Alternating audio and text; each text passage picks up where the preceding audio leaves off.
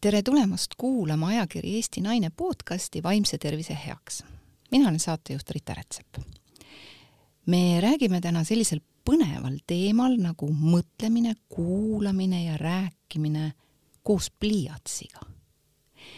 Äh, mis on visuaalne mõtlemine, äh, kritseldamine, kujutlusvõime arendamine läbi selle ja kuidas see võiks aidata meie vaimse tervise tööriistana ma olen palunud stuudiosse Kati Orava, tere Kati! tere, Rita! sina oled äh, visuaalne praktik ja koolitaja just nimelt sellel teemal. Äh, räägi palun natukene, ma tean, et sa oled Eestis üks esimene või lausa ainukene, kes sellise asjaga tegeleb. mis asi see on, kust sa tuled, kes sa oled, millega sa tegeled? jaa, kõigepealt suur tänu kutsumast, ma arvan, et see on väga oluline teema, vähemalt kuna ma ise pean seda enda suureks missiooniks, siis ikka tundub, et, et sellest räägitakse natuke vähe. tõesti olen äh, visuaalse lihtsustamise, pliiatsiga mõtlemise üks selliseid, no kas maaletoojaid, üks esimesi, kes hakkas niimoodi Eestis seda arendama. Õnneks ei ole nüüd ma üksinda, äh, et on inimesi, kes sellega tegelevad, seda tahavad edasi anda, õpetavad, aga võib-olla ma olen kõige rohkem, kes paistab siis silma või seda teemat nagu uurib ja kirjutab. ja, ja kõige rohkem võib-olla, kes siis ka koolitab, ehk siis see ongi mu põhitöö, võiks niimoodi öelda sa oled isegi oma teaduskraadid sellega kaitsnud, eks? jaa, jaa, kuna mind hakkas see teema huvitama küsimusega, et miks me täiskasvanutele peame õpetama kritseldamist kui mõtlemise tööriista, kui me kõik lapsena oleme seda kasutanud, isegi kui me ei mäleta ja, ja seda küsimust küsides tekkis mul tunne, et siis ma võiksin natuke rohkem teada haridusest, äh, hariduse olemusest, õpetamisest, õppimisest, et kuhu see kaob või kust, kus ta meil asetseb hariduses. ja läksin õppima Tartu Ülikoolis haridusinnovatsiooni ja, ja tegin magistritöö tõesti siis, et, et kus see meie hariduses hetkel on, mis sellest arvatakse ja mis võiks olla visuaalse lihtsustamise potentsiaal tead, miks see teema mind hästi kõnetas, kui ma, kui ma niimoodi äh, avastasin selle enda jaoks äh,, ma natukene võib-olla teen haridussüsteemile liiga, aga äh, ma tunnen äh, oma laste puhul, et äh, koolis käimine on selle ära tapnud. ja, ja ma nägin, kuidas mu äh, kaks tüdrukut just kui nad äh, koolis tunnis olid, siis äh, nad kogu aeg pliiatsiga nagu joonistasid paralleelselt, kui õpetaja rääkis ja ma tean, et ma sain lapsevanemana tagasisidet, et mida ta sodib kogu aeg, et öelge talle, et ärgu ta sodigu. ja siis, kui ma hiljem koolipsühholoogina töötasin, siis täpselt samamoodi, lõpeta see sodimine ära, kuula ilusti ja ma sain oma, oma lapsega rääkides aru sellest, et ta seletas mulle, et tal on parem niimoodi kuulata, et vaata, see krõnks, mis ma siia teen või see lilleke, mis ma siia joonistan, tuletab mulle meelde seda, mida õpetaja rääkis. ehk tegelikult aju ja käsi käib ju koostöös mm. ja siis, ja siis, kui ma sinust nagu lugesin ja sinust teada sain, siis ma mõtlesin, et see ongi see, mille me oleme võib-olla koolis ära tapnud. kas sa räägid minuga sama, sama mõtet, jagad sa seda sama mõtet minuga? Ja ühelt poolt jagan ja kindlasti sa ei, sa ei tee koolisüsteemile selles mõttes liiga, et võib-olla me selle asjaga teeme liiga natukene õpetajatele, kes on ka ju mingis mõttes kogu süsteemi sees olevad noh, nii-öelda süsteemi järgijad mingis mõttes ju, et kõik need tulevad kuskilt äh, kõrgemalt, sellised asjad. et äh, pigem äh, võiks öelda niimoodi, et see joonistamine mõtlemise tööriistana on midagi, mida me ei õpeta, aga me tegelikult peaks seda õpetama teadlikult, nii nagu me õpetame matemaatilist keelt. jah, tema olulisus või see suur, suur sugusus ei ole võib-olla võrreldav matemaatilise keelega ja, ja kirjakeelega, aga seesama kujundite, sümbolite keel peaks olema tugevamalt sisse toodud ja, ja siin tegelikult äh, see nii-öelda sinu isiklik lugu tegelikult toobki väga head sellised kaks paralleeli selle, selle teema juures, et esiteks ongi see natuke valesti mõistetud, ehk siis kui me mõtleme joonistamise peale, siis meil esimese asjana meenub see, et meil oli koolis kunstitund ja me pidime tegema midagi, mis oli ette nähtud. just mm, -hmm. mis ühelt poolt võiks öelda, et on õiges kohas, ta on tund nagu kõik teised tunnid, kus me õpimegi mõistma kunsti, äh, mõistma, kuidas seda teha, kuidas siis joonistada nii-öelda õigesti mingisuguseid asju. küsimus on pigem selles, et miks me teistes tundides lõpetame selle joonistamise, kus võikski öelda nüüd, et, et seal on siis see, et ei ole mitte see kunstitunni mõistes joonistamine, vaid olekski see mõtlemise tööriist, mis on tegelikult hoopis teine tehnika. ja, ja kui nüüd avastati selline asi nagu see visuaalne lihtsustamine. ehk siis, et, et see teema tuli sealt, kui seitsmekümnendatel siis äh, üks äh, grupp äh, ärikonsultante küsis endalt, et kui arhitektid, disainerid teevad kõik meie noh, teevad endale kõik nähtavaks ja kliendile nähtavaks, siis meie siin räägime tähtsaid ärialaseid jutte, tahame arendada mingeid strateegiaid, aga me ei näe, mis me teeme ja hakati neid nii-öelda siis üles joonistama, aga mitte joonistama klassikalises mõttes kunstina, vaid tooma sisse pigem erinevaid kujundeid, sümboleid ja sõnu. ehk siis tegelikult selle maailma juurde käib ka sõnade maailm ja, ja just siis see, kui me mõtleme äkki koomiksite peale pigem, kus on see, et, et tavaliselt koomiks ei ole ainult joonistatud, vaid sinna on sõnadega see tähendus juurde toodud. et siis võiks öelda, et visuaalne lihtsustamine on pigem siis sinna sarnane, aga jällegi mitte siis nii nii-öelda detailselt joonistatud asjad, vaid ikkagi selline hästi võimalikult lihtne kontsept, kontseptuaalne kir-, nagu nii-öelda kritseldamine. ja kui me sellest aru saaks siis me võiks mõeldagi, et see on tehnika, mida on võimalik õppida. ehk siis äh, kasutada kuulamise ja rääkimise tööriistana. See kritseldamine, nii nagu see minu näite puhul, laste näite puhul, siis äh, on äh, tegelikult teatud tüüpi keskendumine. Võib öelda keskendumine, aga vaat just selle sinu näite puhul ma tahaks tuua ka mõned uuringud sisse, kus on tegelikult õpetajatel natuke õigus kui nad ütlevad nii, et mis sa seal kritseldad, pane tähele, sest uuringud on tegelikult näidanud niimoodi, et äh, selleks, et äh, meeldejätmiseks kuulata, on kõige halvem strateegia, kui sa üldse midagi siis kirja ei pane. teine halb strateegia on, kui sa paned kirja ainult lineaarselt, lihtsalt nagu trükimasin. ja kolmas halb strateegia on, kui sa lihtsalt kritseldad suvalisi asju, lilli, liblikaid, äh, et sest tegelikult selline kritseldamine on keskendumiseks ja kohalolekuks. aga ta tegelikult ei stimuleeri aju meeldejätmiseks ehk sulle jäävad need konksud ja need asjad meelde. et väga paljud räägivad, et noh, neil jäi kooliajast meelde, et seal oli kirjutatud, seal, kus see lill oli, aga lõpuks sulle ikkagi päris meelde ei tule, mis sinna juurde siis kirjutatud oli, et sa mäletad, võib-olla see lill oli seal kuskil nurgas. ja pigem siis peaks olemagi see, et õpetaja ütleb niimoodi, et ahaa, ma vaatan, et sulle meeldib koos pliiatsiga kuulata, aga kritselda üles seda, mida sa kuuled kuidas sa sellest aru saad, mis küsimused sul tekivad, kus sa seda kasutaksid. ja vaat siis, noh, võiks ju küsida, et aga miks seda peab siis kritseldama üles kuidagi teistmoodi, et ma võiks ka ju siis kirjutada, et jah, võib. Ka siis ikkagi, et mitte trükimasinana, vaid ikkagi nii-öelda äh, sünteesides seda infot, mis sa saad. Sidudes seda infot sellega, mis sul juba olemas on, äh, küsides küsimusi, et millest ma praegu siin aru ei saa. aga miks oleks vaja ikkagi see kujundid juurde tuua, ehk siis miks siis ainult märkmete tegemine ei ole hea, vaid märkmete visandamine koos kujunditega? Ongi see, et kui ma hakkan tooma sisse kujundeid, sümboleid, siis tegelikult ma stimuleerin oma loovust. kui ma stimuleerin loovust, siis on aju haaratud tervikuna eh, ja mul on haaratud emotsioonid, tähelepanu, käitumine ehk siis tegelikkuses äh, ma võiks öelda nii, et kuna ma väga nagu olen nii-öelda ka teaduse usku, miks ma läksin üldse, eks ju, ülikooli tegema kraadi ka sellisel teemal, siis mm, ma ei saa tegelikult kõiki neid asju, mis ma räägin, konkreetsete uuringutega teostada, tõestada visuaalse lihtsustamise kohta. aga ma saangi neid nii-öelda tuua välja kui siis inimene, kes sellest asjast huvitub ja paneb üks ja üks kokku, ehk ma võtan mingid ajuuuringud mingite asjade kohta, ma võtan selle, mis ma näen, et visuaalne lihtsustamine on teinud inimestega või mille kohta on visuaalse lihtsustamise juures uuritud ja näen lihtsalt seda sidumise kohta.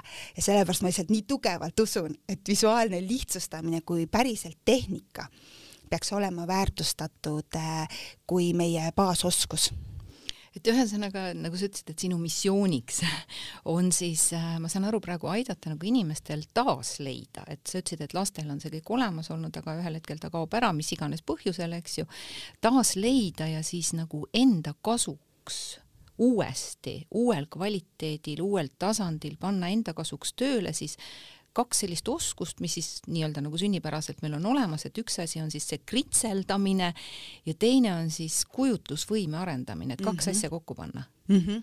okei. Äh, mida siis tähendab sinu jaoks see, et sina usud mõtlemisse koos pliiatsiga?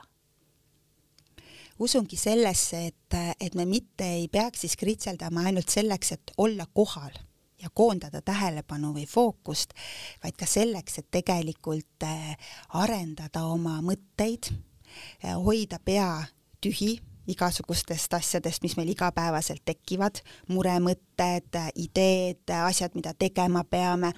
Ja, ja samas mitte siis ainult nii-öelda olema selles kirjasõna maailmas, et lihtsalt kirjutama asju ülesse, vaid kui me ikkagi kasutame sinna neid elemente juurde, siis tegelikult me hakkame nägema seda palju laiemalt. ehk siis võimalus hakata looma ka selliseid kontseptuaalseid pilte nii-öelda, et et mis asjad on omavahel seotud, tehtud, eh, mis ma sellega praegu teha saaksin eh, ja panna ka see tunne, ehk siis noh, räägime nagu tehnilises mõttes, et mis see tähendab, kui ma kritseldan, kui ma kirjutaks üles näiteks niimoodi, et eks ju, et, et, et mina olen Kati Orav, eh, praegu olen siis sellises eluetapis, kus ma küsin endalt, eks ju, et kuidas edasi liikuda, mul on unistus, et kõik inimesed maailmas hakkaksid kritseldama teadlikult ja selleks ma siis käin käin ja muudkui, eks ju, noh, räägin sellest, et ma võiks selle lihtsalt kirja panna. aga kui sina praegu kuulasid, mis ma rääkisin, sina nägid juba pildina, sa nägid seda katit, kellel on see mingi unistus on ju, sa ei ja, näinud ja, ju tekstina, tekst on meie, kirjakeel on meie produtseeritud äh,, välja mõeldud asi selleks, et tuua need pildid silmade eest välja teistmoodi, kui, kui joonistades, mis on, noh, sealt, sealt võiks minna hästi kaugele, kui tahad, võime sellest pärast veel rääkida, eks ju, aga just, et et kui me mõtleme nüüd, et paberile oleks see sündinud, siis seal olekski olnud, noh, üks inimene joonistatud, võtame praegu kriipsujukku, mis on kõige lihtsam, sest et seal ei ole tähtis praegu, milline ma välja näen, kui pikad on mu ripsmed, mis, kas mul on juuksed üldse või ei ole, vaid seal olen mina, eks ju, tähtis on see, mida ma unistan, mida ma teha tahan. ja kui nüüd mõelda, et ma sinna ei kirjuta, et Kati unistab, vaid teen selle unistuse mulli, mis on see mõttemull, eks ju, tuleb peast niimoodi, koomiksitest olete näinud ja seal on see mu unistus. ja teen sinna selle jutumulli, kus peale on siis kirjutatud see, et kõik inimesed joonistama ja, või Kati, noh, õpetan seda. Ja siis, kui vaadata peale sellele, sa saad kohe aru, et see on siin Kati unistus, see on see, mida ta teeb, noh, võib ka minu siis, minu kui kriipsujuku alla siis teha näiteks mingi kasti, mille on peale kirjutatud, et, et, et on praegu sellises olukorras, et, et otsib seda viisi, et kuidas oma missiooni täita näiteks.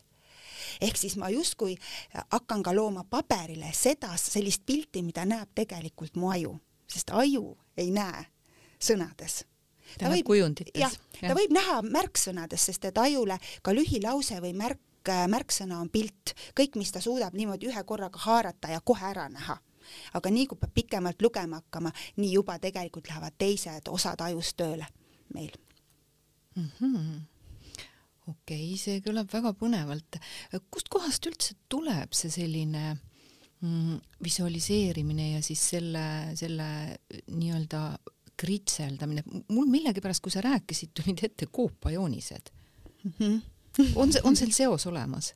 jaa, ikka on no kõigepealt võiks öelda, et miks koopajoonised. ma ei tea, mul tekkis selline tunne lihtsalt, kui sa rääkisid. kõigepealt võiks hakata sellest, et tegelikult kui inimene siia maailma sünnib, siis tema üks esimesi eneseväljendusviise sellel hetkel, kui ta on võimeline pliiatsit hoidma, hakkab olema tegelikult joonistamine või võib-olla sellepärast siis, et kui sa, kui sa rääkisid nagu ajust kui niisugust, et, et äh, sõnad kui äh, ja kirjutamine, väljakirjutamine on hiljem juba meie enda poolt äh, välja mõeldud ja tekitatud ja, ja mis põhjusel siis võib-olla info vahetamiseks ja kõik, eks, aga, aga esimene pilt oli just täpselt selline koopajoonis mm. -hmm väga huvitav.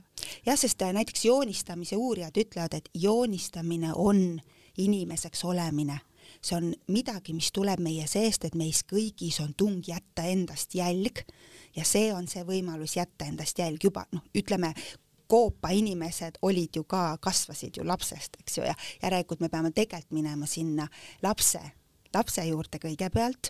Ja kui laps siis seal kuskil eh, kaheaastaselt hakkab tõmbama kriipse ja, ja, ja siis kõigepealt on talle see rahulduspakkuv tegevus sealt võime noh, liikuda üks hetk ka selle vaimse tervise juurde, et tegelikult joonistamine iseenesest juba on meid vaimselt väga rahustav.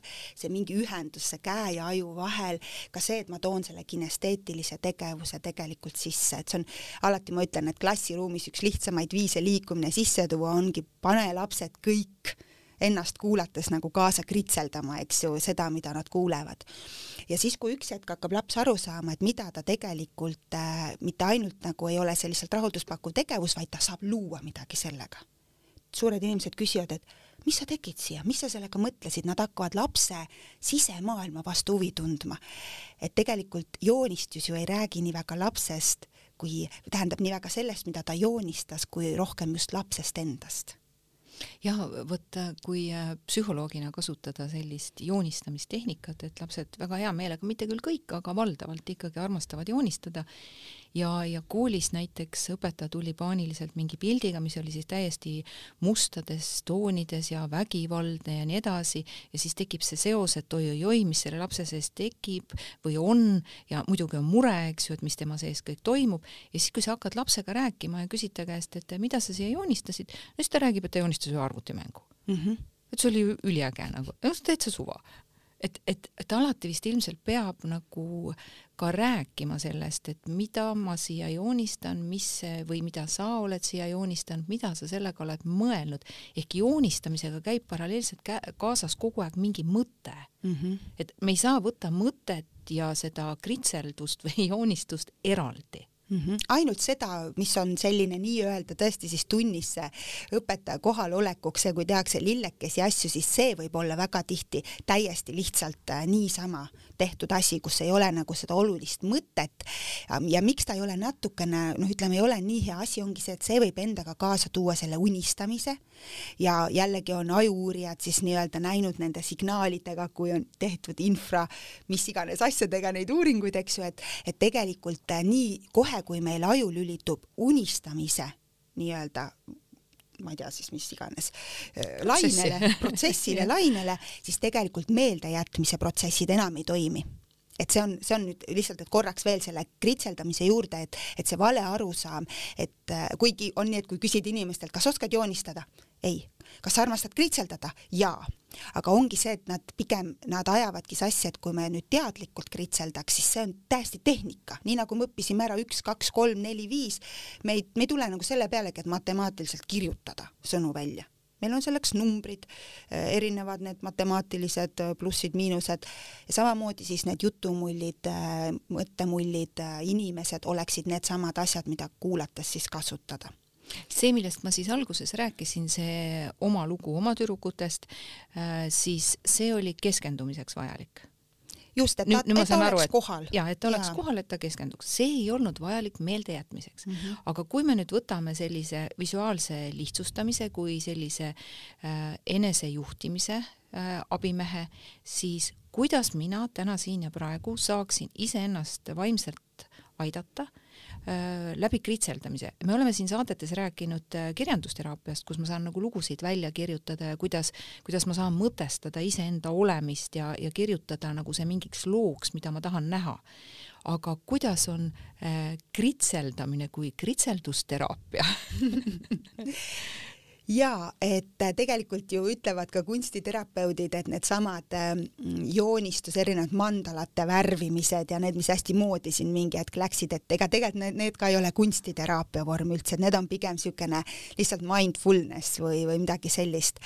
ja see on nii tore, et sa seda just küsisid, sest et ka minu üks lähtekohti tegelikult magistritöös ja oma uuringutes oli just see, et tuua välja, et tänapäeval õppimine on midagi hoopis muud kui lihtsalt meeldejätmine. üha vähem tegelikult head õpetajad tahavad teha selliseid teste, et sa pidid midagi meelde jätma. loomulikult see on, alguses on see väga vajalik aju arendamiseks asjad, me peame oskama asju ka noh, meelde jätta, öeldakse, et ka täiskasvanuna õpi nädalas vähemalt üks telefoninumber pähe näiteks, eks ju, või õpi võõrkeelt, et sa peaksid, seal on vaja sõnu lihtsalt ju ka pähe õppida, aga samas jällegi sa õpid neid mingis kontekstis. ja see nüüd ongi see, et äh, kui me seda kritseldamist kasutame, siis äh, võikski öelda, et ta on üks äh, väga hea ennastjuhtimise ja, ja ka tegelikult ka õpioskus, sest et äh, kui ma õpetajat kuulan ja panengi neid asju kirja teistmoodi, siis ma hakkangi ka aru saama, millest ma siit praegu aru sain, millega ma seon selle hetkel, mitte lihtsalt ei, ei pane fakte kirja, mida ma võin pärast lihtsalt raamatust ju lugeda. aga see on tegelikult see, et ma olen siin ja kohe praegu. ja kui mõelda sellesama vaimse tervise peale siis ähm, kust need probleemid ju hakkavad, ongi sellised erinevad ärevused, äh, oma noh, näiteks tuleviku peale mõtlemine või kasvõi ka see, et mul on lihtsalt liiga palju asju praegu peas et miks näiteks no ütleme, et ka laste ärevus võib olla täiskasvanutega seotud palju selles, et meil kodus ei ole laste jaoks aega. miks meil laste jaoks aega ei ole? sest me oleme endaga nii, nii-öelda hõivatud meil on peas sada mõtet, samas me mõtleme, et äkki peaks nagu ka tegelema millegi suuremaga veel siin elus, kui see lihtsalt see igapäeva kaheksast viieni töö ja kõik, kõik sellised asjad.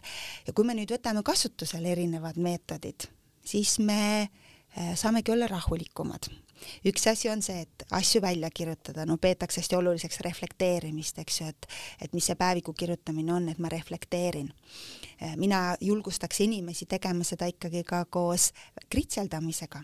ehk siis äh, sa võid jah, kirjutada, kirjutada, ennast täitsa tühjaks kirjutada, aga väga tihti me siis lihtsalt maandame ennast ja noh, tekib lõpuks see mingi rahulolu, sest ma justkui kirjutasin välja aga sealt ei pruugi tekkida seda edasiminemist, ehk siis ma ei näe seal lahendusi, ma ei näe omavahelisi seoseid asjadel. Aga kui ma hakkaks neid kasvõi mõttekaardina või täpselt sellisena, et panen ennast sinna kuskile ja, ja mis on see, millest ma unistan, mis, mis ma täna märkasin äh,, kes ma täna olin, mis ma täna head tegin, et hakata niisuguseid mustreid märkama, mis ma homsesse siit võtta saaksin. et kui me ikkagi teda visuaalina laiali laotame, siis me näeme teda teistmoodi, rääkimata jällegi sellest, kirjutamine toimub ainult, on teatud ajuprotsessid töös, nii kui me kaasame sinna siis ka selle nii-öelda visuaal eh,, visuaalne on paha öelda, sest kirjutamine on ka visuaalne, eks ju, selle kujundlikuma poole, siis me juba haarame aju laiemalt ja jälle tahaks tulla selle võlusõna juurde, see loovus.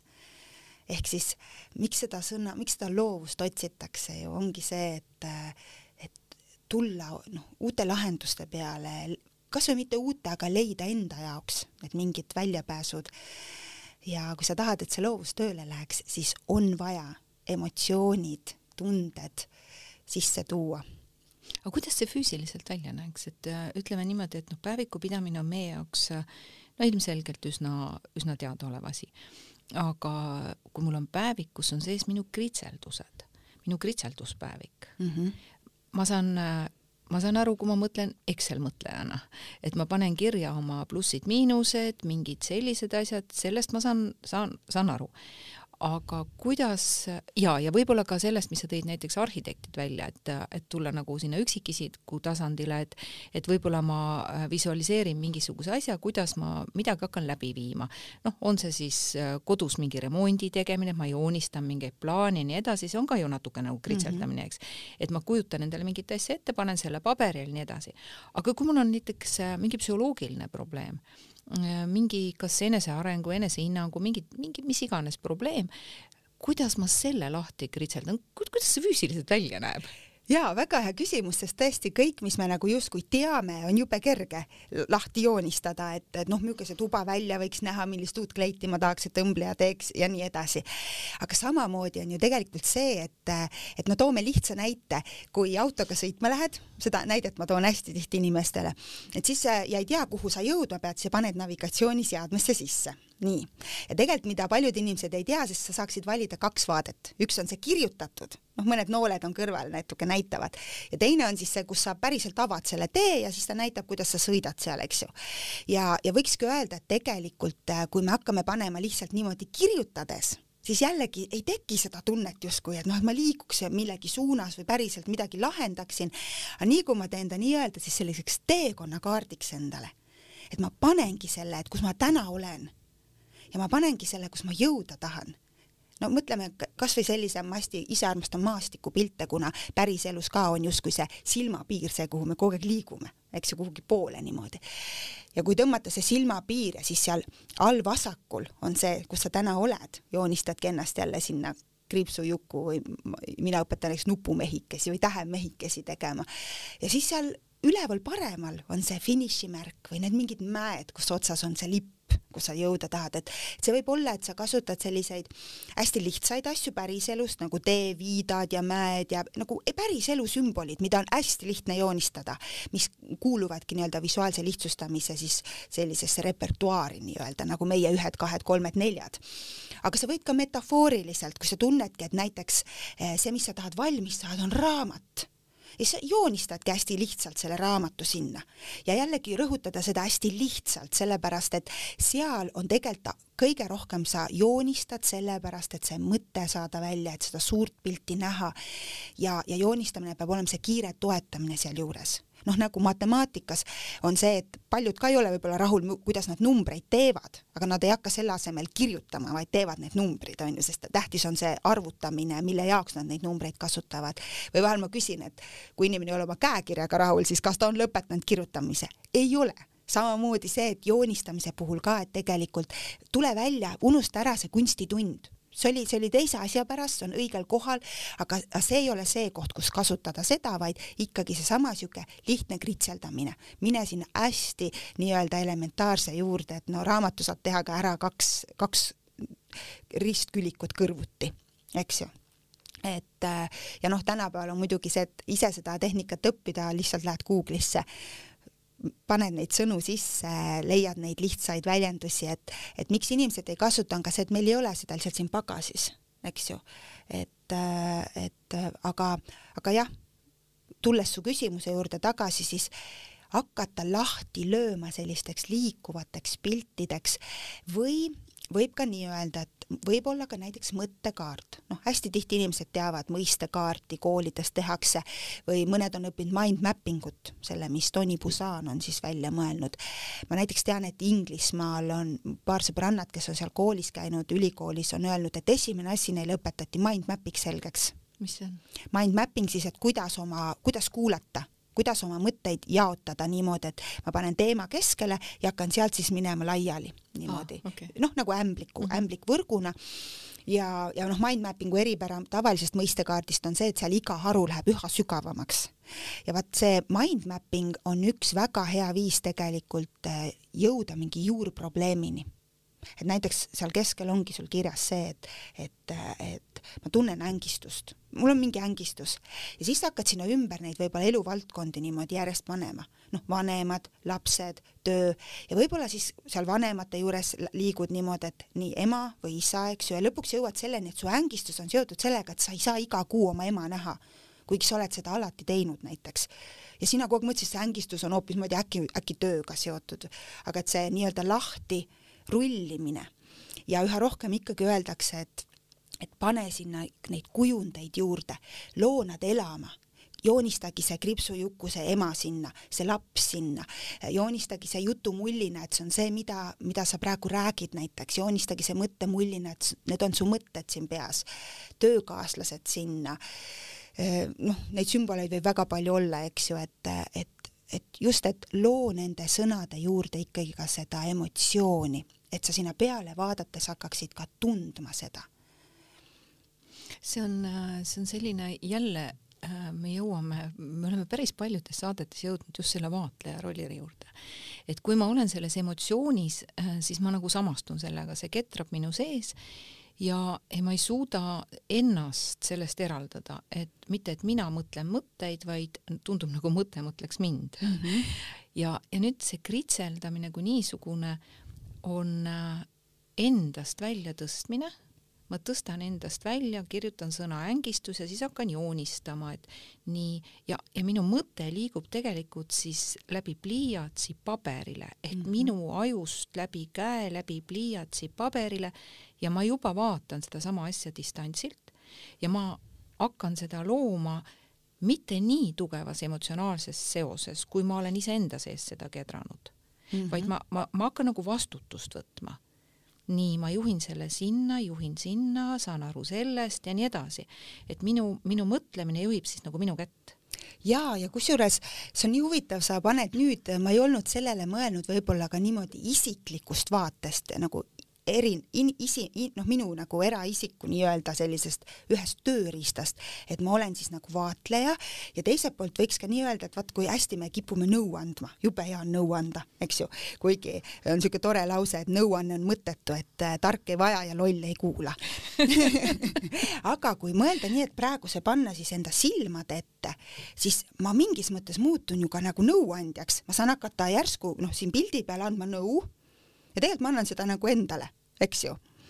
Aga et miks ma ütlesin, et see on, oli praegu siuke tore üllatus või aitäh selle eest, ma saan seda edasi nagu arendada, sest äh, mis on tegelikult visuaalse lihtsustamise kohta öeldud, ongi see, et, et kui me meeskonna tööriistana seda kasutame ja kui me paneme asjad niimoodi paberile, siis me ka distantseerume mingis mõttes ja me, me räägime visuaaliga ja me ei lähe nagu nii isiklikuks räägime seal paberi peal asjadest justkui. Ja on olnud äh, ka selliseid juhte, kes on teinud näiteks arenguvestluseid niimoodi, et nad on andnud visuaali ja öelnud, et täida see visuaal ära, ehk siis visuaal siis joonistatud näiteks kuidagi maastikuna, et see inimene on ise seal peal, kus ta tunneb, et ta täna on, kuidas ta teekond liigub, mis ta tahaks edasi arendada, kuhu tahaks jõuda. ja, ja kui siis inimene läheb selle visuaaliga vestlusele, siis justkui räägitakse visuaaliga ja on palju nagu adekvaatsem ja, ja rääkida justkui, et ma ei võta nii isiklikult, mis ma seal peal näen et me paneme selle asja nagu paberi peale ja siis me kahekesi vaatame seda paberit ja tegelikult see nagu ei puutugi meisse, eks just, me räägime sellest, mis on seal paberil. just, just, et, et see annab sellise ja. hea isikliku distantseerimise võimaluse, et mm -hmm. on nagu, nagu natuke kaitstud tunne. jaa, just, just okei okay., et tegelikult selle visuaalse mõtlemise jaoks ei ole mitte midagi muud vaja kui paberit ja pliiatsit ja iseennast. et noh, nüüd ütlesid, eks ju, sellesama mõiste visuaalne mõtlemine, et ühelt poolt ka võib-olla aetakse seda, et visuaalne mõtlemine ongi meis kõigis, meie aju mõtlebki visuaalselt. nüüd oleks aeg hakata seda ka rohkem välja tooma, et panna päriselt praktikasse et mitte ei oleks see, et see seostataks, ma ei oska joonistada, see ei ole üldse sellega seotud täiesti saan aru, kusjuures huvitav jah, et, et ilmselt alateadlikult on saanud ise ka lapsepõlves sellist asja katsetada, aga pole seda teadlikkust sealjuures. et, et läinud ja, ja joonistanud mingid mured paberile, et, et ka lapsed räägivad mulle, et noh, et ta istub oma toas ja siis joonistab, et ta, ta joonistab selle endast välja. mul on üks selline nipp lastele, kes, kellel on näiteks tuleb ärevuse ja viha, siis ma olen soovitanud neil joonistada sellise ringi sellise paksule paberile, võimalikult paksule paberile, joonistada sellise suure ringi, siis võtta pliiatsi niimoodi rusikas kätte ja nüüd anda see viha sinna pliiatsi sisse ja nüüd panna ta sinna ringi sisse kinni. nii tugevalt niimoodi, et augud võivad paberi sees olla, aga pane ta sinna kinni ja siis vaata teda, vaata teda, seda, vaata seda viha seal sees, et nüüd sa oled ta kinni püüdnud ja sina oled boss jaa, väga hea mõte, et need ongi sellised erinevad, äh, veel erinevad noh, harjutused, mida saab juurde tuua. et tegelikult äh, üks asi see on ju ka kritseldamine, on ju? just, just ja, ja just see, et sa praegu seda rääkisid, see seostas mind nüüd sellega, et mida veel kritseldamise kohta on öelnud siis nii-öelda noh, need kritseldajad ise. et kui räägitakse hästi palju praegu sellest mediteerimisest, mindfulness'ist, siis võibki olla mõne inimese jaoks väga raske teha nii, et ma lähen nüüd istun nüüd ma pean olema vaikselt, siis ma ei tohi midagi mõelda, noh, et saada kuidagi see. Ja, ja üks nagu nii-öelda harjutus selleks võibki olla see, et sa kõigepealt nagu suunad inimese kritseldama, et tegelikult on kritseldamine üks ka selline äh, mindfulnessi ja, ja kohaloleku vorme. Et ma olen praegu ja siin. Ja noh, sel juhul võibki olla see, eks ju, et noh, kui ma neid lilli ja liblikaid ainult teen, aga tegelikult ikkagi ka see, et ma äh, kuidagi järsku võib-olla alguses hakkan panema ikkagi mingeid asju, et saada pea puhtamaks. Ja siis võib-olla mingi hetk märkan, et ma lihtsalt kritseldan. Ja see ongi nüüd see koht, kus sul tegelikult võib olla pea täiesti tühi, et sa ei ole isegi ka sellesse unistamisesse liikunud sealt. Et see on täielik lõdvestustehnika. just, just, et see on äh, ka, et miks, äh, miks julgustada ise täiskasvanuna siis ka noh, lapsi kritseldama. Ja just lugesin ka uuringutest näiteks selle kohta, et et lapsed, kes siis äh, rääkimise ajal kritseldavad, nad räägivad topelt rohkem. Et näiteks äh, kui, kui vanemad õhtuti äh, teeks praktikaks jälle, et võtame paberipliiatsi ja lihtsalt mingit asja näiteks koos joonistada või, või kokku lepitakse midagi, et siis siis selle käigus tegelikult hakata mingeid küsimusi lihtsalt päeva kohta küsima ja siis tegelikult laps hakkab märkamatult rääkima palju rohkem. ja seal oli muidugi, seal uuringul oli see kitsas koht, et küsiti ka, et aga kui laps ei armasta nagu joonistamist siis tekkis minul ka kohe see mõte, et jälle võib-olla me peame liiga palju silmas seda sõna joonistamine kui kunstitunni mõistes, et miks me peaks hakkama joonistama siis seal hobuseid või, või autosi või äkki me võiks ka hakata siukseid kontseptsioonipilte, et näiteks ütlebki vanem, et oh, et ma, mul on siin niisugune plaan, et tahaks vaadata, mis nädalavahetusel võiks teha näiteks, eks ju, ja hakkame seda koos üles kritseldama ja, ja jälle teeme sellist nii-öelda liikuvat teekonna pilti ja laps on tegelikult, tuleb nagu teise keskkonda, hakkab seda justkui seda unistamist seal tegema. Ja siis hakkad sinna nii-öelda vahele vaikselt küsima ka selle päeva kohta temalt ja vaatama, et, et siis tegelikkuses on ta sellel hetkel juba palju rahunenum. jällegi on see, et noh, aju on hoopis teistmoodi juba seotud, et, et kuidagi ma arvan, et seda praktikat võiks proovida rohkem sisse tuua tead, mul tekib praegu sind kuulates see mõte, et võib-olla äh, noh, meil käivituvad ju igasugused päästikud igasuguste tunnete, sõnade, mõtete, mis iganes peale ja kui me võtame näiteks sõnad joonistamine ja kritseldamine, joonista korralikult, mida sa kritseldad mm -hmm. siin, onju. et see on ju meile tuttav. jah et võib-olla ka, võib-olla ka see, et kui me lubame endale kritseldada, võtame me endalt ära välise kontrolli ja ma võin lihtsalt teha seda, mida ma teen. kusjuures ma toon sulle veel ühe praktika siin ja meie kuulajatele ka, et võib-olla nad äh, saavad seda ise kasutada, et, et ma tõesti olen oma tööriistana ilmselt nüüd tuleb välja väga palju kasutanud kritseldamist. no psühholoogid kasutavad. jaa, aga, aga, aga ma ei ole seda teinud ilmselt teadlikult mm. -hmm aga ma olen näinud teadlikult, kuidas see töötab ja üks on näiteks see, et ma võtan hästi suure paberi ja istume lapsega siis, äh, kes on siis vastuvõtule tulnud, istume äh, vastamisi teineteise pool seda paberit ja me hakkame vedama joont. lihtsalt hakkame vedama joont, aga me võtame ühe teema me võtame mingisuguse teema, äh, mis võib, mille laps tegelikult ise välja pakub, et, et midagi, mis, mis ta siis tahab, kas see on siis sügavam, vähem sügavam, aga ühesõnaga ta ütleb mingi teema. ja mina siis ütlen, et jah, et noh, mina ka tunnen selle teemaga midagi. ja, ja nüüd me hakkame joont vedama, mina vean oma joone ja siis jätan pliiatsi pooleli, tema võtab oma pliiatsi ja veab sinna joone ja niimoodi me kritseldame terve selle suure paberi täis. täiesti mitte midagi ei räägi vahepeal ja, ja kui me tahame, siis me pärast räägime, et mida sa siin tundsid, kui sa siit niimoodi järsku üles läksid, et mida sa tundsid, mis pilt sul tekkis. ja siis ma kirjeldan ise, et vaata, et siin, kui ma siin väikseid siksakke tegin, et vaata, mina tundsin siin niimoodi, niimoodi, et need on näiteks minu pisarad siin ja et me saame selle erineva joonerütmiga rääkimata sõnades midagi endast välja tõsta mm. -hmm mm. -hmm, ma võin sest... täitsa täiskasvanuna sama võtta, võtta ühe suure paberi ja lihtsalt hakata usaldada oma kätt ja lihtsalt keerida, sodida, sodida, sodida. Ja, ja see on ka, kui sa ennem tõid selle sõna välja, et see joonistamine tundub midagi, mis peab nagu ilusti tegema ja kritseldamine on justkui siis see nagu selline vaba vorm, siis äh, ka hiljuti kuulasin ühte inglisekeelsest podcast'ist äh, täiu, noh, sellise nii-öelda perfektsionismi kohta et, et tegelikkuselt ka meie vaimse tervise juures mängib hästi suurt rolli perfektsionism. et kui me tahame olla hästi täiuslikud ja, ja siis siit paralleeliks tuua näiteks, kui inimesed ajavad taga loovust, et kuhu loovus kaob, et siis hästi palju loovus kaob ka perfektsionismi taha ära.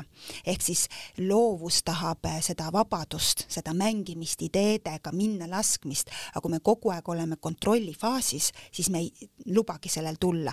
ja samamoodi, kui me siis vaimselt, eks ju, ju oleme nagu noh, hästi kinni jooksnud, siis ka on see, et me tegelikult järelikult tahame nii palju kontrollida kõike, mis meie elus tuleb. ja vaat siis ka, kui me ikkagi võtame selle tehnika, et me julgeme kritseldada oma asjad niimoodi välja, mängida, olla lapselikud, sest kes ütleb, et see kritseldamine peaks olema kuidagi teistmoodi, kui ma tegin viieaastasena sest ma, ma õppisin ära kuueaastasena numbrid ja ma teen siiamaani samasuguseid numbreid ja ikka vahel mõtlen, oo, ma teen numbreid nagu väike laps, ikka teen edasi. miks ma siis arvan, et ma seda kritseldamist peaks kuidagi teistmoodi siis tegema. ta muidugi muutub kindlamaks see joon, kui ma teen teda pidevalt. inimene ka, kes otsustab üks hetk käekirja paremaks saada, ta saabki selle paremaks, sest ta pöörab sellele tähelepanu ja ei tee nii kiiresti ja võtab aega. kõik seesama on seal selle kritseldamise juures ja ta tegelikult aitab saada lahti sellest täiuslikkuse tundest ühelt poolt, teiselt poolt ka nagu seda tehes tuleks sellest üle saada. et kui ma hästi palju koolitan, eks ju, noh, ametnikke ministeeriumides, juristid, kes sa näed, et nad on hästi, neile amet on hästi selline noh, reeglid ja hästi kontroll, siis kui nad järsku joonistavad seal ja siis nad avastavad, et aga nad saavad hoopis teistmoodi oma mõtetega mängida ja siis hakkavad veel üheskoos, eks ju, mingit niisugust suurt teekonnapilti looma millestki, mis oleks vaja nagu selgust saada ja siis nad näevad, nad saavad hoopis teistmoodi peale vaadata. ega see ei tähenda siis, et need ametlikud dokumendid ja kõik see kuskile kaoks, aga loovates protsessides nii meeskonnaga kui omal ise kodus enda jaoks on vaja tulla välja lihtsalt sellest kõigest, lubada endal eksida, luua, äh, minna sinna lapse tasandile, et, äh, et ma näen ka sellel tehnikal no hästi suurt potentsiaali ikkagi ka selle loovuse arendamisele, mis on ju tuleviku võtimasinatega võitlemiseks meil, et nad ei võtaks meie tööd üle. Ja, ja, ja, ja kindlasti ka lõdvestusena, et, et kui sa praegu seda räägid, et ma, ma kujutan ette, et, et kui äh, mina näiteks täiskasvanuna ja, ja võib-olla ka seal kuskil juba koolis käiva lapsena samamoodi juba teatud kontroll on, see väline kontroll on juba selle lapselikkuse kuskile ära peitnud või ära matnud lausa, siis alguses on see joon hästi korrektne ja, ja kuidas peab ja nagu ei julge ja, ja siis ühel hetkel läheb see juba natukene vabamaks ja siis juba laseme nagu looma endast välja, et mitte ainult lapse, vaid ka looma endast välja. lõpuks võiks see paber olla juba lausa tükkideks ja miks mitte aga milline lõdvestus. just. ja see jääb naerma tõesti ja noh, et, et ja inimesed ei paneks äh, nii-öelda praegu ei ajaks sassi seda, et, et kindlasti kuna see on see, mis ma räägin, eks ju, on alguses ikkagi meie tänapäeva täiskasvanutele, ütleme kahjuks, kuna ma käin ka koolides päris palju ja, ja lastega, et siis juba ka kolmas-neljas klass on ikkagi juba seal, et arvab, et see on joonistustunniga seotud ja peab ideaalselt tegema, siis äh, alguses, kui seda tehnikat kasutama hakata, võib ikkagi pinget tunda, et kus see Kati ja Rita seal rääkisid, eks ju, et lõdvestab jubedalt ja kõik see, et ma siin jumala pinges seda jutumulli tehes, aga see ongi sellepärast, et see on alguses lihtsalt nii uus asi. et see, miks ma siis aeg-ajalt ka ütlen enda kohta, noh, haridusinnovaator, mida ma praegu nii kõvasti ei kasuta, sest et ma ei lähe, noh, ei tee hetkel doktorikraadi või ei, otseselt ei uuri, kuigi noh, õpetajatega vaikselt mingeid asju teeme, aga just see, et mina näen, et kui see läheks niimoodi, et see see saaks juba lasteaiast saadik normaalseks asjaks. Et mõtlemisena kasutame seda asja. Ja, ja siis laps oskab väga hästi eraldada, mis on siis mõtlemise tööriist, mis on kunsti, kunstitunnis tehtavad asjad, siis see oleks meil osa endast ja siis ta olekski kohe juba selline. aga et sinnani jõuda, on vaja nüüd täiskasvanuna lihtsalt noh, harjutada seda et see saaks natuke loomulikumaks ja ei pea arvama, et kohe on vaja tohutul hulgal kasutada mingeid sümboleid ja, ja kujundeid, et tegelikult siis ma ka alati küsin, et mitu numbrit sa siis nagu täna leiutad või, või mitu tähte, mitte ühtegi. sul on ühest üheksani numbrid ja mis nendega kõik võib teha. samamoodi seal, kui sul on need mõned võtted, eks ju, jutumullid, mõttemullid, vaata koomiksitest äh,, äh, vaata kuskilt mujalt, et siis äh, siis näiteks lihtsalt äh, hakkad neid kasutades ja nendega mängima, sest see, mida sa kogu aeg nendega üles märgid, on kogu aeg erinev ju. sul on kaasas üks vahva raamat, mis raamat see on? ja ma siin vaikselt tegin lahti, et ja. ma ei teadnud, kas tohib näidata, aga tegelikult olen ma olen iseenda kangelane. väga uhke ja. ma olen piisav. ja need, need on, on sinu raamatud? ja need on märkmikud tegelikult ja ma tegingi need ekstra selleks, et äh, julgustada inimesi siis tegema neid esimesi samme kritseldamise maailmas. et siin ongi siin, noh, alguses räägib sellest, ma kutsun seda ka ebatäiusliku joone maagiaks just sellepärast, et kui sul tekib see arusaamine, et ma võingi tõmmata seda ebatäiuslikku joont siis hakkavadki maagilised asjad juhtuma sinuga. kus need raamatud kättesaadavad on? Neid saab minu käest näiteks, katiorav.ee ahaa, vot siuke väike reklaam tekkis siia vahele, üldse ei olnud planeeritud ausõna. mina ka ei planeerinud, aga, aga kuna võib-olla inimestel tekkis see küsimus, et okei okay,, Kati räägib, kuidas teha, aga nad ei näe, siis alati ei pea olema, et võtame koolituse eks ju, et kutsume Kati nüüd õpetama, vaid, vaid võivad olla ka ja kuna eesti keeles ei ole sellist materjali hetkel, noh, võib-olla natukene kivi minu kapsaaeda, et ma planeerin raamatut juba noh, viimased äh, viis aastat siis ma mõtlesin, et aga kui ma teen nüüd selle märkmiku, kus on vähemalt kaks lehte nüüd, siis on see äkki minu jaoks tõuge, et ülejäänud üheksakümmend lehte on lihtsam nüüd täita, aga teiseks, miks ei võiks inimesed juba siit alustada, et alguseks seda üldse ei ole palju selleks vaja, et siin näitabki, kuidas inimest teha, jutumulli ja näed, siin on juba need nii-öelda kontseptsioonipildid, eks ju ka, et miks neid kokku panna, kuidas neid kokku panna. ja noh, siia sobib just see hästi, et, et kui ma mõtlesin neid teha, et aga mis võiks olla see, mis mille jaoks on või mis see inimesel toetab, siis minnes, loomulikult ta toetab koostööd ja meeskonnatööd, aga just see, et, et panna siia, et ma olen piisav või ma olen iseenda kangelane, need laused, mida inimesed otsivad et siis ta on nagu kaks ühes, et just sellesse saatesse, ma arvan, sobis seda ka öelda. jaa, väga, väga, meil on, meil on nagu ei, ei ole pilti, meil on just, ainult hääl, eks, aga, aga nüüd ongi see, et igaüks saab visualiseerida enam-vähem selle ja, ja, ja siis minna, minna sealt kodulehe pealt vaadata, missugused need raamatud välja näevad ja, ja. äkki on nendest päevikutest kellelgi abi, et see on ju ikkagi eneseabi tööriist. jaa, just. ja minul tekkis veel üks mõte mida võiks äh, võib-olla siis lasteaedades ja koolides ja võib-olla ka töökohtades, aga töökohtades selles kontekstis võib-olla vähem, aga lasteaedades ja koolides peaksid olema joonistustunnid, nagu on, ja siis on meil täna kritseldamistund. Mm. -hmm eks, et see oleks ju täitsa me võime seda nimetada ka vabaks joonistamiseks, aga, aga see võiks olla kritseldamistund ja, ja tegelikult ma sattusin ka ühe täiesti Eesti, äh, Eesti inimene, kunstiõpetaja, kes on teinud doktoritöö ja toob seal välja seda, et üha rohkem oleks vaja ka meie kunstiõpetuse tundides hakata tegema rohkem sellist idee joonistamist.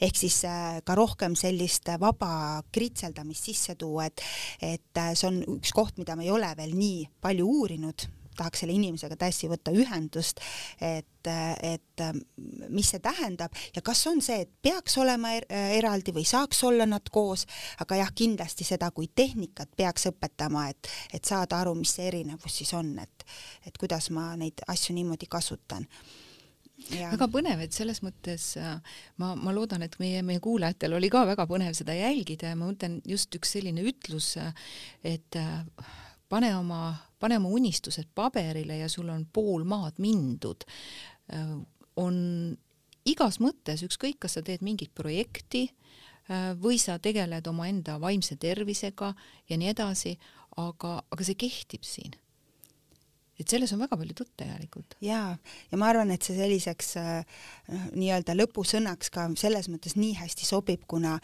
kuna vaimse tervise koha pealt on ju ka öeldud, et üks asi, mis meid hoiab terve, on see, kui me unistame, et inimene, kes on kaotanud unistamise, ta ongi selles rutiinis ja ta tunnebki ennast halvemini.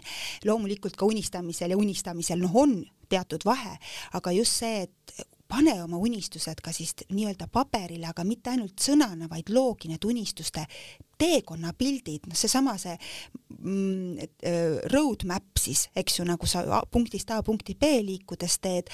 Ja, ja siis veel üks nipp on see, et mitte ainult ära siis seda joonista ülesse, noh, kirjutad juurde ka asjad loomulikult, sest ikkagi visuaalne lihtsustamine on sõnade, kujundite ja sümbolite koostöö, et seal ma alati rõhutan ära sõnu ära kaota, sest loo ka see tähendus, see, see, see point sinna, pilt on power ja, ja sõna on point, power, point, et miks on hea asi, on ju. aga et, et pane ta ka seinale, sellepärast et siis sa seda ka näed ja tahad selle järgi päriselt liikuda. et joonistame enda kriipsujukud, teeme talle mõttemullid, kirjutame sinna sisse sõnad, vaatame seda, mõtleme.